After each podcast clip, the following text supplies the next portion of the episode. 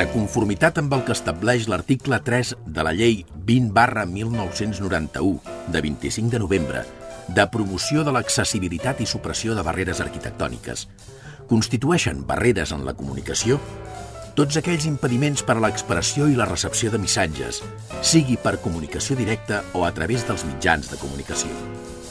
És per això que, emparant-nos en aquesta llei, volem que cada ciutadà gaudeixi del seu propi espai per moure's. Un espai sense censura. Un espai en què vosaltres sigueu els protagonistes. En definitiva, un espai per tothom. Benvinguts a Espai Vital.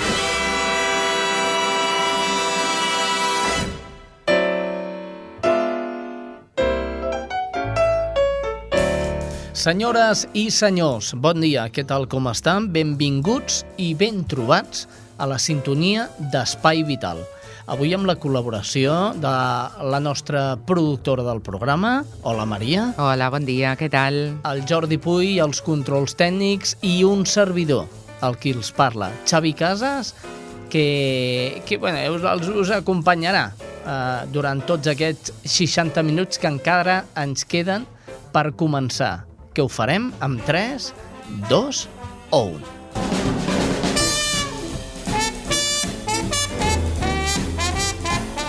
Estàs escoltant Espai Vital.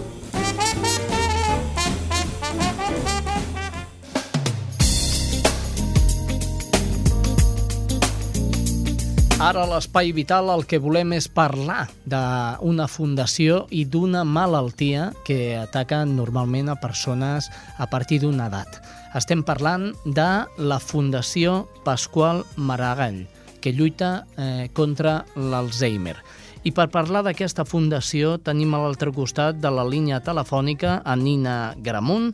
Ella és neuropsicòloga, clínica de la Fundació Pasqual Maragall. La saludem.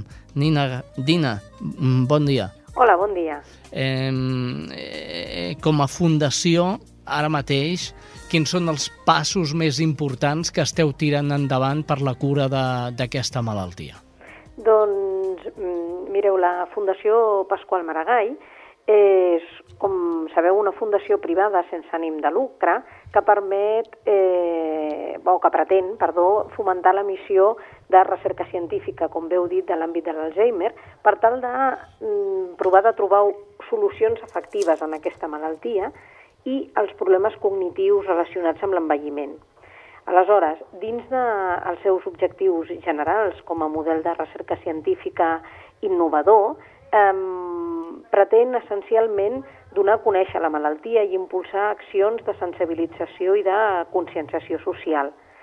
Aleshores, tenim diferents eh, línies de recerca mm -hmm. i us en parlaria de, de dues de les, de les línies de recerca fonamentals. D'una banda tenim el programa de recerca clínica i d'una altra banda el programa d'innovació.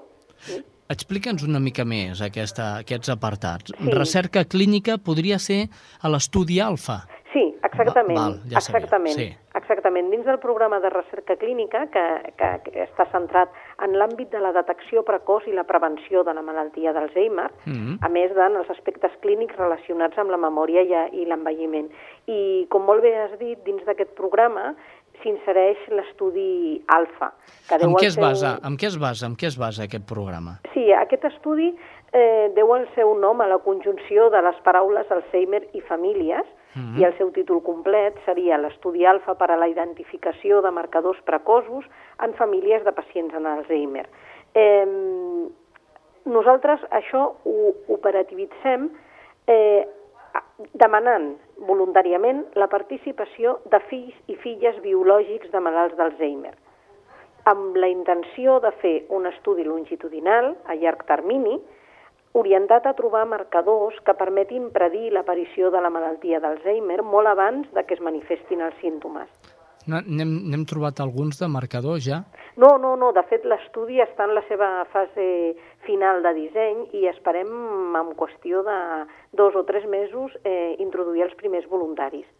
El que, el que sí que se sap avui en dia, això és eh, coneixement científic, diguéssim, a l'abast, és que la malaltia d'Alzheimer comença mm, molt abans de que els símptomes clínics, els símptomes evidents, els que detecta la persona que els pateix o el seu entorn, eh, comencen molt abans perquè se sap que en el cervell d'aquestes persones anys enrere ja s'han començat a produir canvis eh, estructurals, funcionals, etc en el seu cervell. És a dir, el seu cervell eh, fa anys que té la malaltia, tot i que avui en dia es detecta quan es manifesten els símptomes.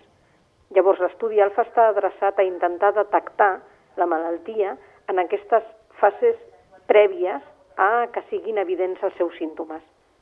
Quins són els primers eh, marcadors d'aquesta malaltia? És a dir, quan una persona s'adona de que té aquesta malaltia?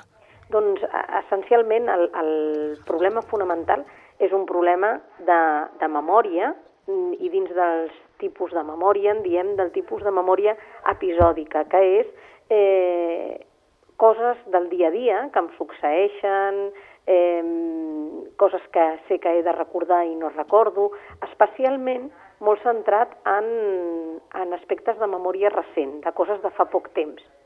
És a dir, eh, tothom, evidentment, a tothom, en qualsevol moment de la vida, i d'aquí s'ha de, diguéssim, abaixar una miqueta l'alarma, tothom ens deixem alguna vegada les claus dins de casa, o ens deixem les ulleres, o ens oblidem de que teníem una cita, etc. I això forma part de la normalitat i de les vicissituds del dia a dia, però en aquestes persones es comença a produir d'una manera cada cop més freqüent i sobretot, el que és més important, representant un canvi rellevant sobre com havia estat la seva memòria al llarg de tota la vida no és el mateix una persona que sempre ha estat despistada, desmemoriada i que li continuï passant que una persona que ha sigut sempre molt metòdica, molt endreçada, que mai li succeïa i que això li succeeix, un dia potser ho atribueix a un problema d'un estat eh, ansiós, d'un estat d'estressor vital, però a poc a poc va veient que independentment d'aquestes situacions això li continua passant i de forma cada cop més acusada.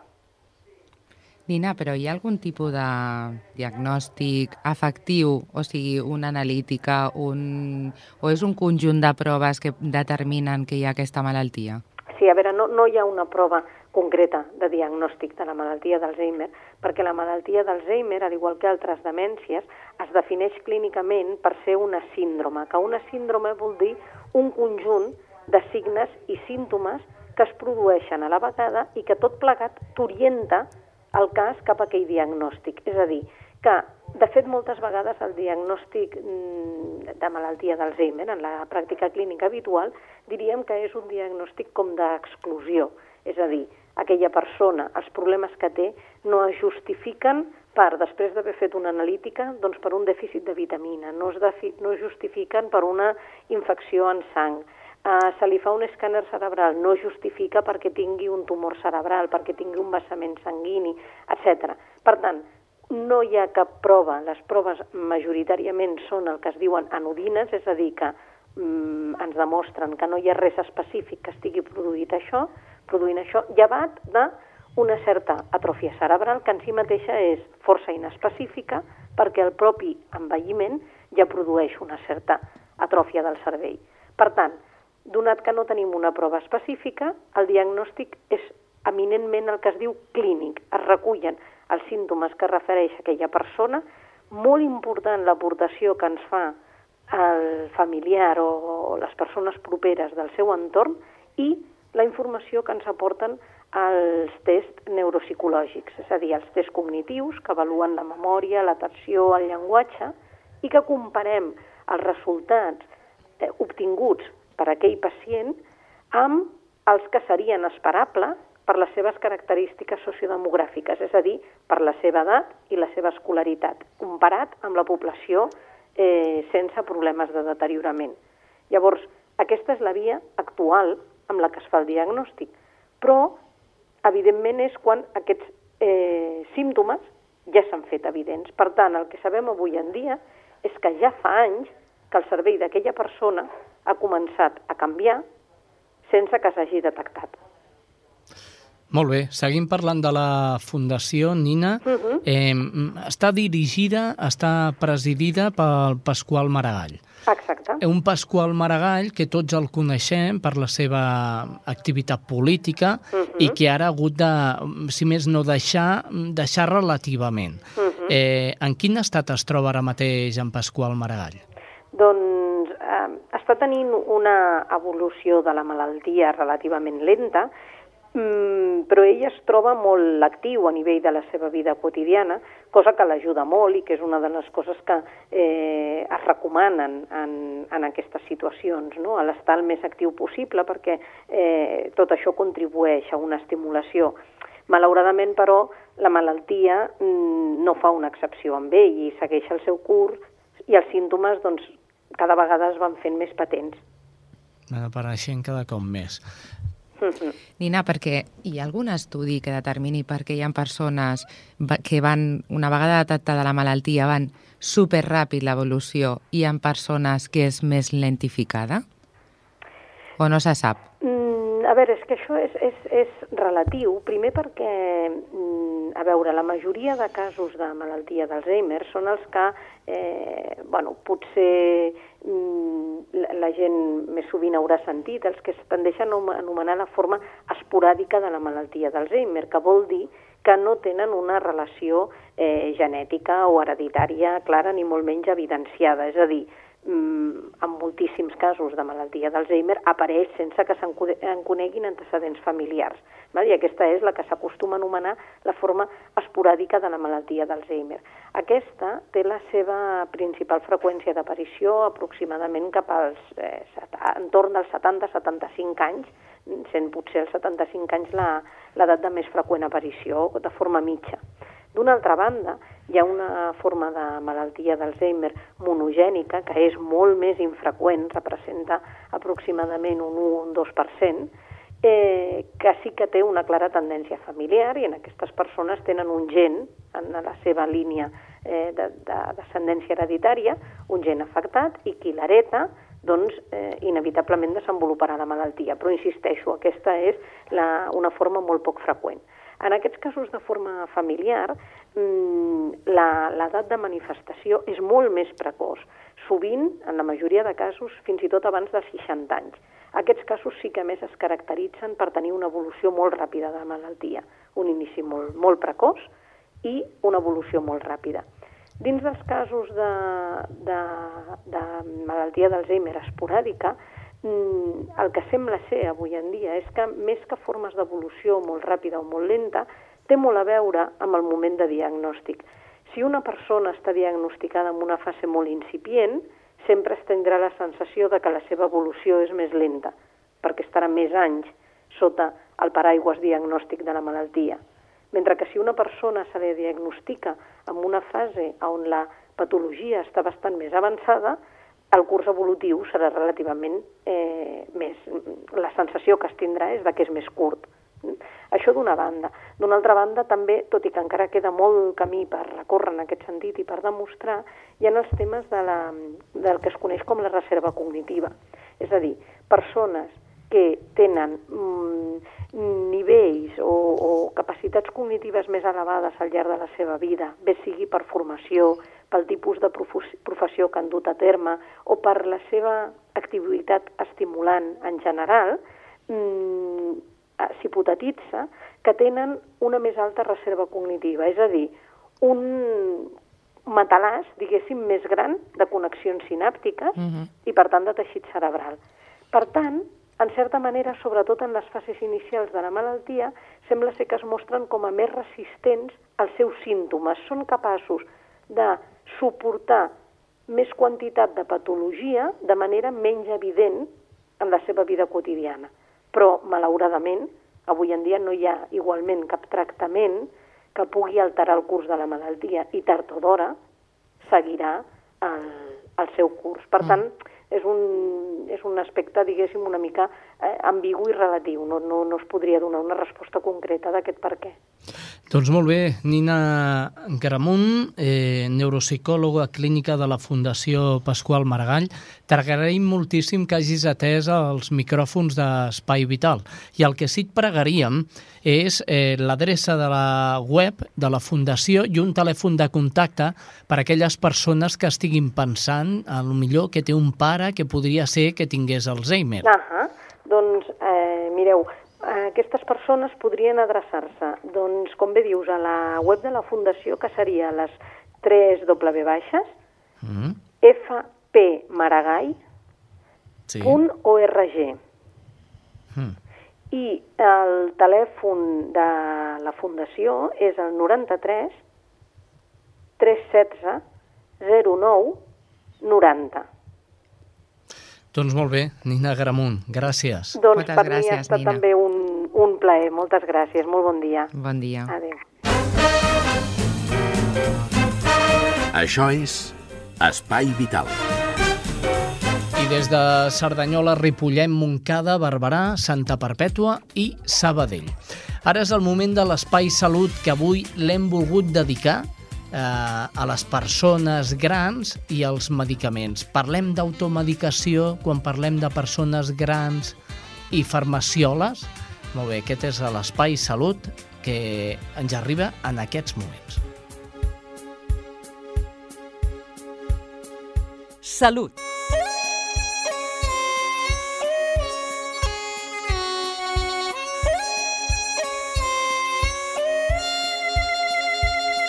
La gent gran pot patir diverses malalties alhora, tant agudes com cròniques, i conseqüentment acostumen a prendre més d'un medicament. Aquest fet augmenta el risc que es donin interaccions no desitjades. Per aquest motiu, s'ha de tenir molta cura en el seguiment d'aquests malalts i pautar-los unes normes senzilles que facilitin tant l'administració com el compliment dels tractaments indicats en cada cas. Per aquest motiu, és important que tant els metges com el servei d'infermeria que els atenen s'assegurin que aquests usuaris hagin entès correctament el tipus de tractament que han de seguir.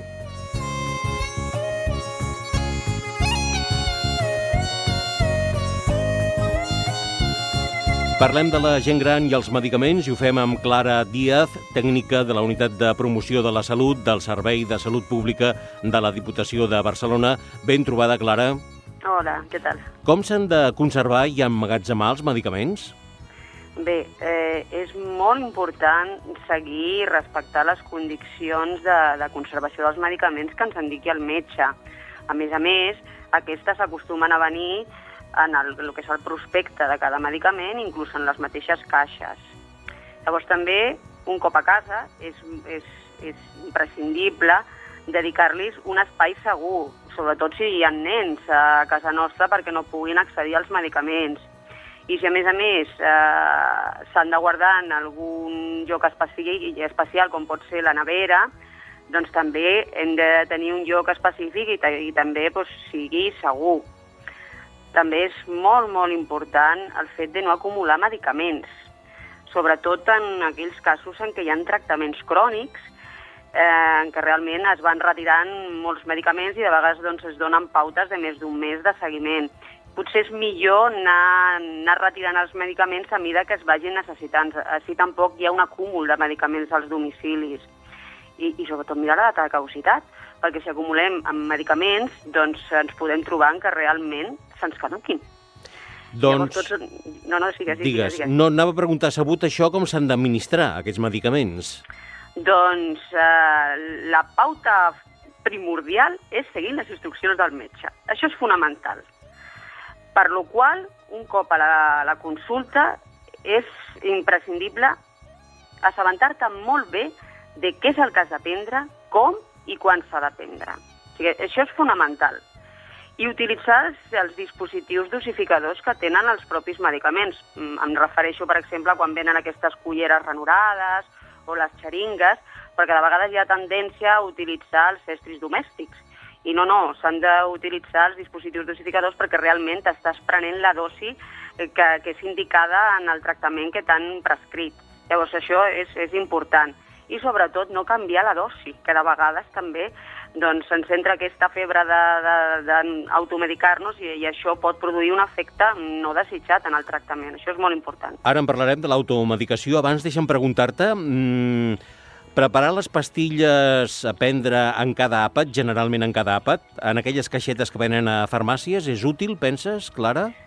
Depèn. Realment, si t'has de prendre molts medicaments, és, és bo buscar fórmules que, que et permetin identificar molt bé el que t'has de prendre en, en, cada, en cada moment. Clar, depèn de la pauta que t'hagin prescrit el, el metge, perquè hi ha medicaments que no es poden, per exemple, prendre amb els àpats, perquè si no, doncs, eh, no alteraria, no, no, no tindria la seva acció terapèutica requerida.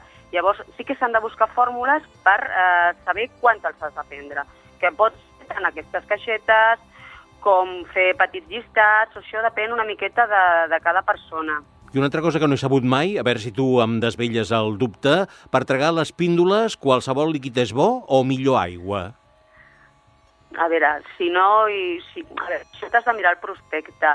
Si hi hagués algun tipus de contraindicació, el propi prospecte t'ho diria. Si el prospecte no et diu que hi ha cap indicació, doncs qualsevol líquid que el que et sigui més, que, que tingui millor gust per tu, doncs seria l'adequat. Si no, en tot cas, els prospectes o el metge sempre et diria que no te'ls prenguis amb aquest o amb aquest altre líquid. Hi ha una qüestió que està generant una certa polèmica, medicaments genèrics versus medicaments publicitaris. Sí. Explica'ns, eh, Clara, principals diferències... Eh, tenen la mateixa eficàcia i qualitat, uns i altres? Mira, comencem, si et sembla, per les diferències que hi ha sí. entre uns i els altres. Doncs les diferències fonamentals són tres, bàsicament. Una, una d'elles és el preu. Els, mm, diguem els medicaments publicitaris són aquells que responen a una marca i, per tant, com qualsevol altra marca, doncs s'ha de fer servir mecanismes publicitaris per donar-la a conèixer i, per tant, que això genera uns costos que, que els ha de suportar els laboratoris i, clar, això també repercuteix en el cost final del medicament. Una altra diferència és el nom, ja que els publicitaris es comercialitzen amb el, amb, amb el nom de la marca i en el cas dels genèrics es comercialitzen amb el nom del principi actiu seguit del nom del laboratori i unes sigles que són EFG, que vol dir especialitat farmacèutica genèrica. I per últim, doncs, diguem-ne que els, els publicitaris només se'ls pot comercialitzar un únic laboratori, el que, diguem el que ha patentat la marca, en canvi els genèrics es poden comercialitzar tots els laboratoris. Això és bàsicament per lo que fa a les diferències bàsiques entre genèrics i publicitaris. Tenen la mateixa eficàcia? Sí. Tenen Uns la i mateixa, altres? Sí, sí que tenen la mateixa eficàcia perquè tots dos tenen el mateix principi actiu i per tant tenen la, la mateixa acció terapèutica. I a més a més, tots dos han de passar pels mateixos controls de qualitat i han de complir els mateixos requisits per ser autoritzats i comercialitzats com exigeix l'Agència Espanyola del Medicament, de, de Medicaments i Productes Sanitaris. O sigui que en aquest sentit no hi ha diferències. Molt bé, doncs per avui deixem-ho aquí, per imperatius de temps, eh, però seguirem parlant de la gent gran, i els medicaments ben aviat ho farem com avui amb Clara Díaz, tècnica de la Unitat de Promoció de la Salut del Servei de Salut Pública de la Diputació de Barcelona. Gràcies i fins aleshores, Clara. Gràcies a tu, adeu. Adéu.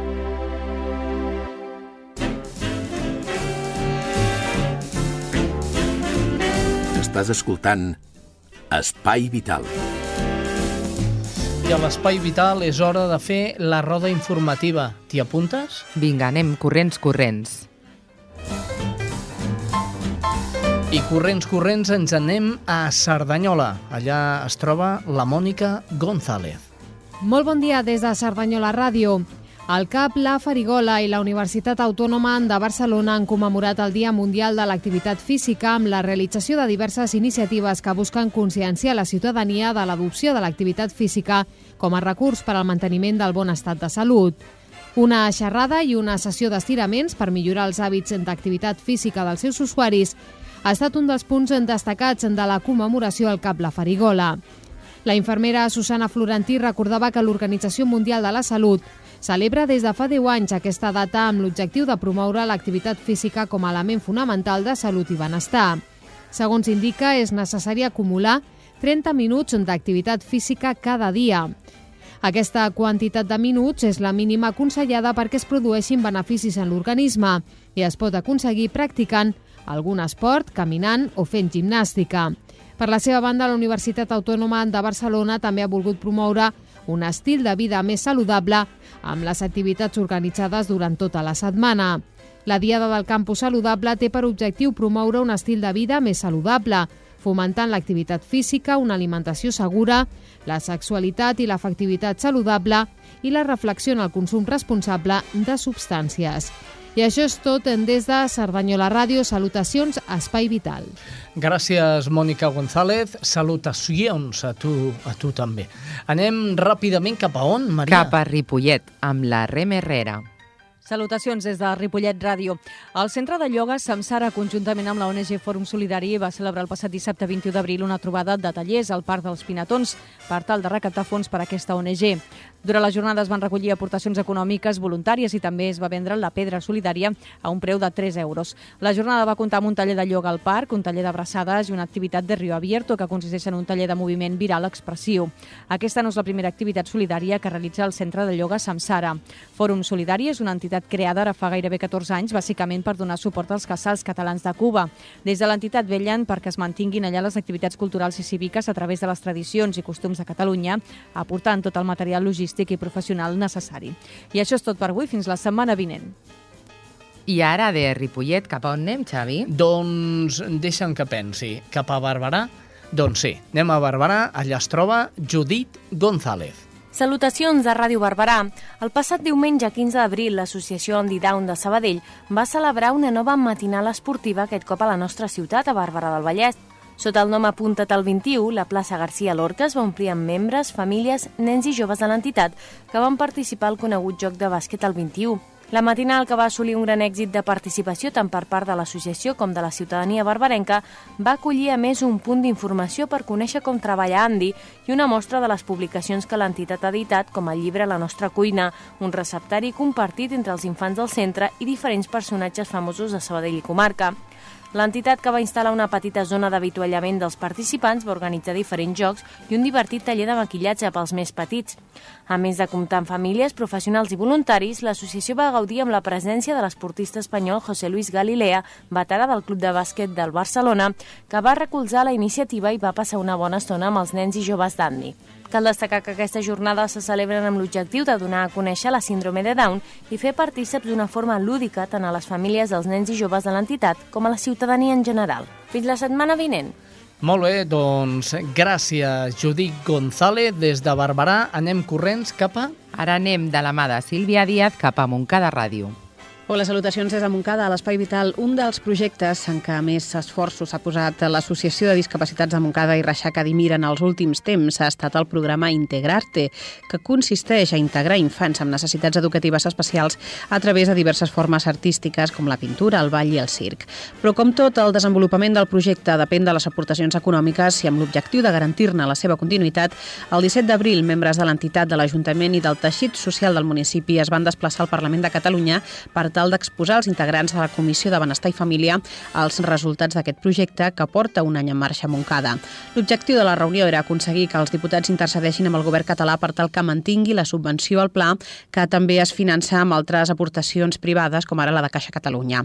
La portaveu de Dimir, Ana Ballesta, ha explicat que va sortir amb bones sensacions de la reunió, durant la qual l'alcaldessa de Montcada i Reixac, Maria Elena Pérez, també va intervenir destacant els valors de l'Associació de Discapacitats, a la qual va definir com lluitadora, apassionada i amb una gran capacitat de superació que l'ha convertit en un referent català.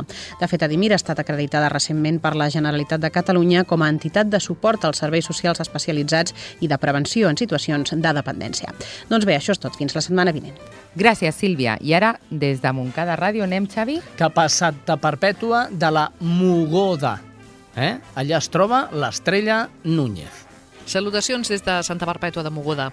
L'Institut Català de la Salut, l'ICS, ha decidit traspassar l'atenció mèdica ginecològica del CAP Santa Perpètua a la Unitat d'Atenció a la Salut Sexual i Reproductiva, a CIR, de Mollet. Fins al mes de juliol només hi haurà atenció del metge ginecòleg els dilluns i a partir de setembre totes les consultes es derivaran a la CIR de Mollet. El CAP Santa Perpètua mantindrà les mateixes hores de llevadores, que seran les encarregades de fer les revisions. Segons ha explicat l'ICS a l'Ajuntament de Santa Perpètua, aquest canvi respon a una nova política de gestió que millorarà, segons l'ICS, la qualitat perquè a la CIR hi ha 8 metges 12 hores al dia. Un altre avantatge, segons l'ICS, per a les usuàries perpetuenques serà la disponibilitat de màquines màquines de gamma alta per fer ecografies. L'Ajuntament de Santa Perpètua ha confirmat que estarà amatent a l'opinió de les perpetuenques per saber si el nou servei és òptim o si es produeixen queixes per tal de canalitzar-les. De fet, el regidor de Salut Pública, Francesc Rodríguez, ha insistit que Santa Perpètua no es queda sense metge en ginecologia, sinó que se li diu a l'Ajuntament que en tindrem 8 però les pacients s'hauran de desplaçar a Mollet. A partir del mes de setembre, les consultes de ginecologia que no pugui fer la llevadora es derivaran a la CIR de Mollet del Vallès. Les revisions les continuaran practicant les llevadores al CAP Santa Perpètua. Des de Santa Perpètua us desitgem una bona setmana. Molt bé, gràcies i que sigui una bona setmana també per tu, Estrella. I ara és el moment d'anar-nos-en cap a... I ara, per últim, anem a Sabadell de la mà de la Karen Madrid. Salutacions des de Sabadell. Avui us parlem de la nova mesura del govern espanyol per pujar fins al 10% el que els pacients paguen pels medicaments subvencionats. Des de la Federació Coordinadora de Clubs de Jubilats i Pensionistes de Sabadell lamenten que aquesta mesura, com està passant, diuen, amb la resta de retallades, està afectant les persones més dèbils i amb menys recursos. De fet, els pensionistes, que fins ara no pagaven res pels medicaments, hauran de pagar entre 10 i 20 euros al mes. Les persones en actiu pagaran entre un 50 50 i un 60% del preu total dels fàrmacs en funció de la seva renda. Des de les farmàcies també estan en contra d'aquest augment perquè diuen que suposarà un conflicte d'interessos. És tot des de Sabadell.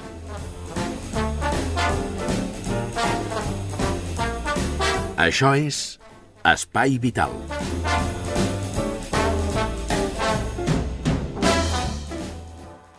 Autoestima, muchas inseguridades y sigo sintiéndome poquita cosa al lado de los demás. Soc Mercè, afectada de psoriasi i membre d'Acció Psoriasi. Si vols conèixer el veritable impacte de la psoriasi, una malaltia que va més enllà de la pell, et convido que visitis enprimerplano.org. Has pensat mai en trepitjar la pista del circuit de Catalunya? Ara ho podràs fer, i per una bona causa. Mulla't i corre per l'esclerosi múltiple en una cursa solidària oberta a tothom. Aquest dia, tu hi poses la velocitat. El proper 29 d'abril, el Circuit de Catalunya t'obre les portes per córrer per l'esclerosi múltiple. Inscripcions a www.mitjaterrassa.cat o trucant al telèfon 902 11 30 24.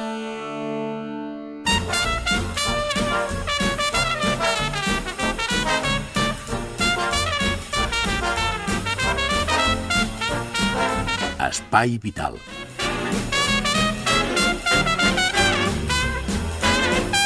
Important, mulla't i corre per l'esclerosi múltiple. De fet, eh, el mullet d'aquest any no és aquest, sinó que eh, serà el dia 8 de juliol. Ja us ho adelanto perquè esteu atents. Eh, mulla per l'esclerosi múltiple. Molt bé, ara és el moment de alta sensibilitat una vida rota por el ictus. Eh, Isabel Palomeque va fer un llibre i, i és un llibre dedicat a aquesta malaltia. I la nostra productora, la Maria López, n'ha fet un bon treball de locució eh, per, per aquí, perquè ho emetem. Doncs molt bé, amb la veu de Maria López, alta sensibilitat. A continuación, les ofrecemos Alta Sensibilidad, un libro sobre el ictus. Alta Sensibilidad, un libro de Isabel Palomeque, escrito en primera persona y llevado a la radio de la voz de María López. Una producción de Spy Vital.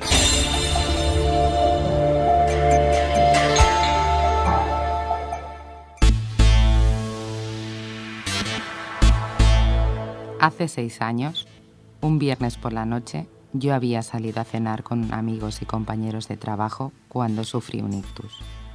La mitad derecha de mi cuerpo se desplomó de repente y de la comisura de los labios quedaron colgando las últimas palabras de un chiste.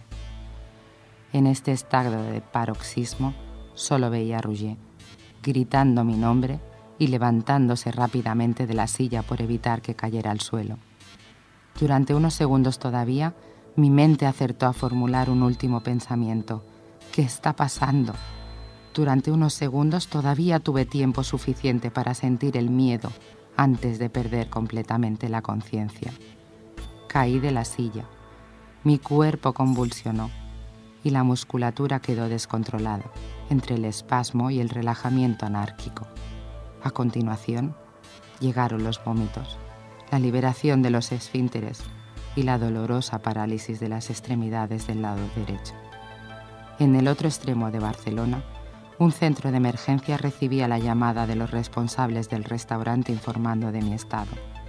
En pocos minutos una ambulancia se presentaba para recogerme y declarar mi estado de emergencia.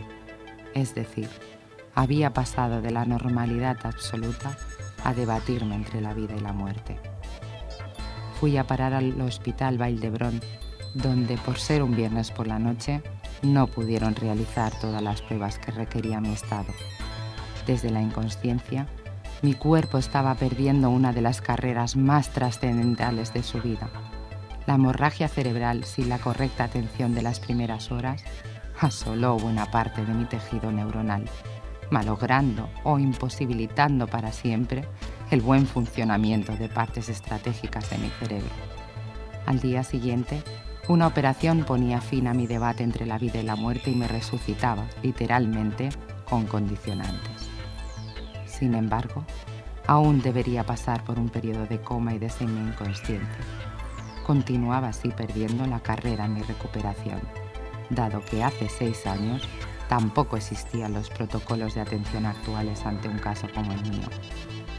Había sufrido un ictus y la vida, tal y como la conocía, tal y como la preveía a los 24 años, cambiaría para siempre.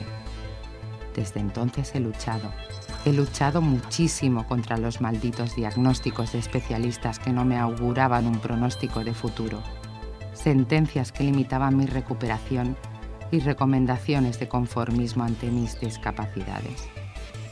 El ictus se llevó demasiadas cosas que amaba. Mi pareja, mi carrera profesional, algunos amigos, mi independencia. La lista es inagotable y seguramente de aquí a unos años todavía podría añadir otras muchas cosas que habría podido hacer, que habría podido vivir si no fueron afectada por un accidente cerebral. Pero lo soy. Hace seis años sufrí un ictus y todo este tiempo me he volcado en una carrera por recuperarme, pensando que volvería a ser la de antes y comprendiendo al fin que esta enfermedad, si se puede calificar de esta manera, golpea dos veces. La primera, con las terribles secuelas físicas y psíquicas según el grado de gravedad que uno alcance, y la segunda con la confirmación de que estas secuelas serán permanentes por mucha fuerza de voluntad que uno ponga. Como en todo hecho traumático, hasta que no llega la aceptación, uno no puede empezar a vivir de verdad. Es cierto que se trata de otra vida y de otra persona que ocupa mi biografía, pero dentro de esta nueva historia también hay un lugar para ilusiones, emociones, amor y sueños sin caer en el conformismo, he aceptado mis discapacidades como algo natural. Aún así, he debido reconstruirme en todos los sentidos. Esta ha sido una tarea gigantesca para mí y sobre todo para mi familia y amigos, los cuales han llevado sobre sus espaldas buena parte de mi recuperación. Sin todos ellos habría sido muy fácil rendirse y en este sentido soy una persona muy afortunada. Mis padres especialmente han andado por mí cuando yo no me podía ni poner de pie. Ellos han pensado, decidido, aconsejado y me han apoyado de una manera absoluta, con una dedicación extraordinaria que me lleva a agradecerles mi vida dos veces. Durante estos años a su lado, han colaborado otras muchas personas para tirar de mí, literalmente adelante. Esta es otra de las grandes lecciones del ictus el compromiso del entorno es la tierra donde arraigará o no la nueva personalidad. Al menos en mi caso ha sido así.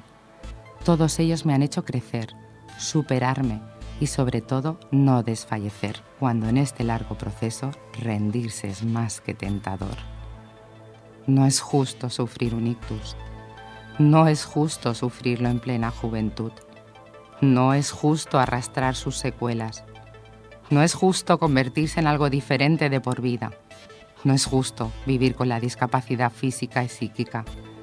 Nada de toda esta experiencia puede ser aceptado de una manera lógica sin incubar un profundo sentimiento de rebeldía contra esta injusticia.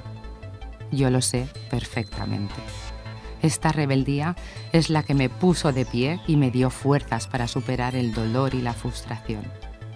Ahora tengo otra oportunidad, con un punto de partida diferente, pero es mío. Y en este nuevo camino he sabido descubrir también la felicidad. Y hasta aquí, Alta Sensibilidad, un libro sobre el ictus. Alta Sensibilidad, un libro de Isabel Palomeque, escrito en primera persona y llevado a la radio de la voz de María López. Una producción de Spy Vital. Alta Sensibilidad, un libro de plataforma editorial.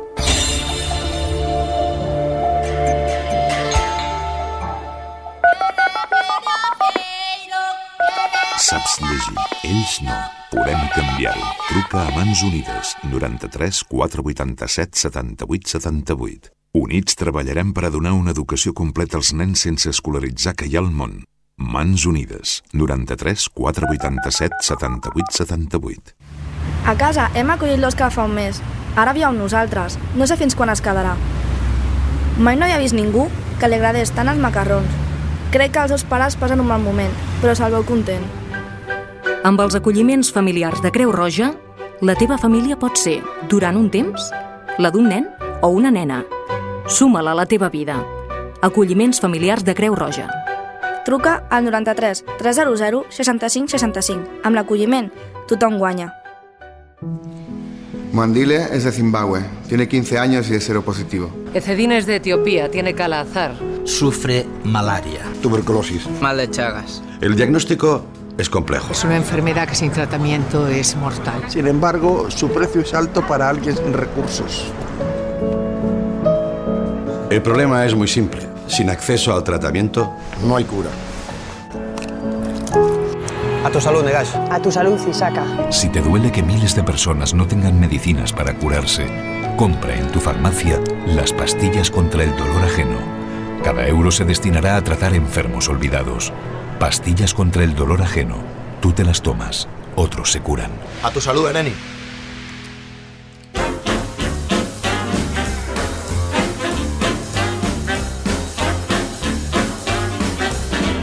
Espai Vital, el primer programa adaptat de les zones.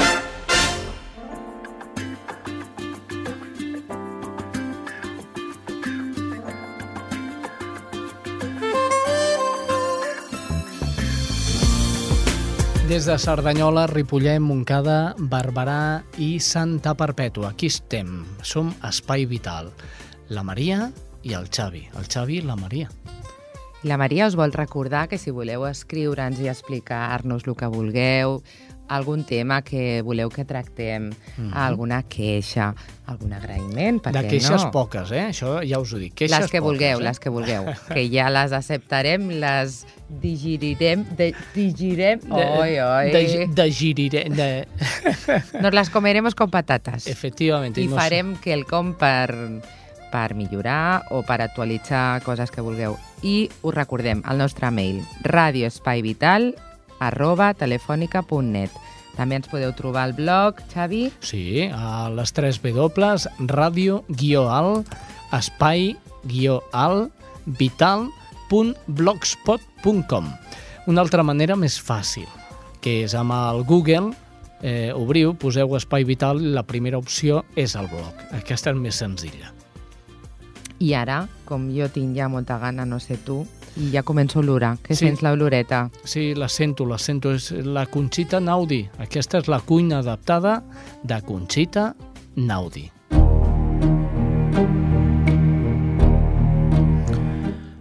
Hola, Xavi. La recepta d'avui són uns bunyols de Santa Catalina.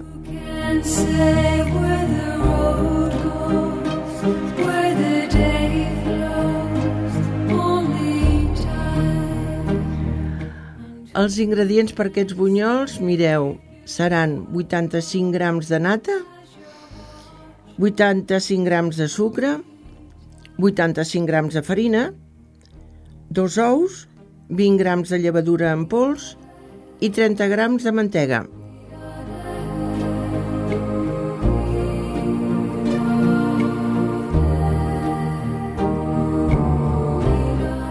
La preparació, en primer lloc, també agafareu un bol i posareu els rovells d'ou, el sucre i la nata. I ho remeneu bé amb una espàtula que vagi remenant que quedi ben fi. Es barreja la farina a part amb la llevadura. I s'hi afegeix una mica en mica en mica, s'afegeix en mica en mica el batut, remenant a poc a poc perquè quedi tot ben lligat. En un altre recipient hi posarem les clares i les batem a, punt de neu. Quan estiguin, s'hi tira la mantega desfeta i es barreja també amb aquest batut. Tot plegat es posa en el mateix bol i es remena bé. Aleshores el que heu de fer és eh, escalfar el forn a 160 graus i agafareu una safata que pugui anar al forn i la untareu amb mantega. I amb l'ajut d'una cullera anireu agafant la massa que heu fet i l'anireu posant en la safata i que quedin com si fossin bunyolets, muntanyetes. Eh? Això es posa al forn que estigui uns 15 minuts i ho aneu vigilant fins que quedin ben duradetes. És una altra recepta mm, variant de, dels bunyols típics de Quaresma, eh? Doncs mm, res més. Ja veieu quins bunyolets més bons que disfruteu. Fins la setmana vinent.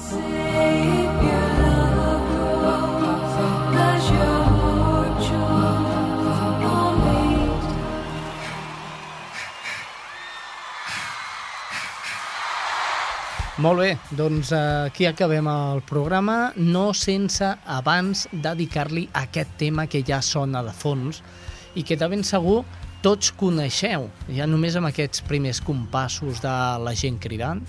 Sabeu que és la cançó de mm, Boig per tu, de Sau, però que en aquest cas la Maria López ha volgut que fos amb la veu de la Luz Casal. Maria, eh, dedicada totalment per tu. Moltes gràcies. I jo li dedico amb ell pel dia de Sant Jordi. Molt bé, i a tots vostès, gràcies per escoltar-nos. La setmana vinent hi tornem, no sé si amb Luz Casal o amb Sau, ja ho veurem. Vinga, adeu-siau.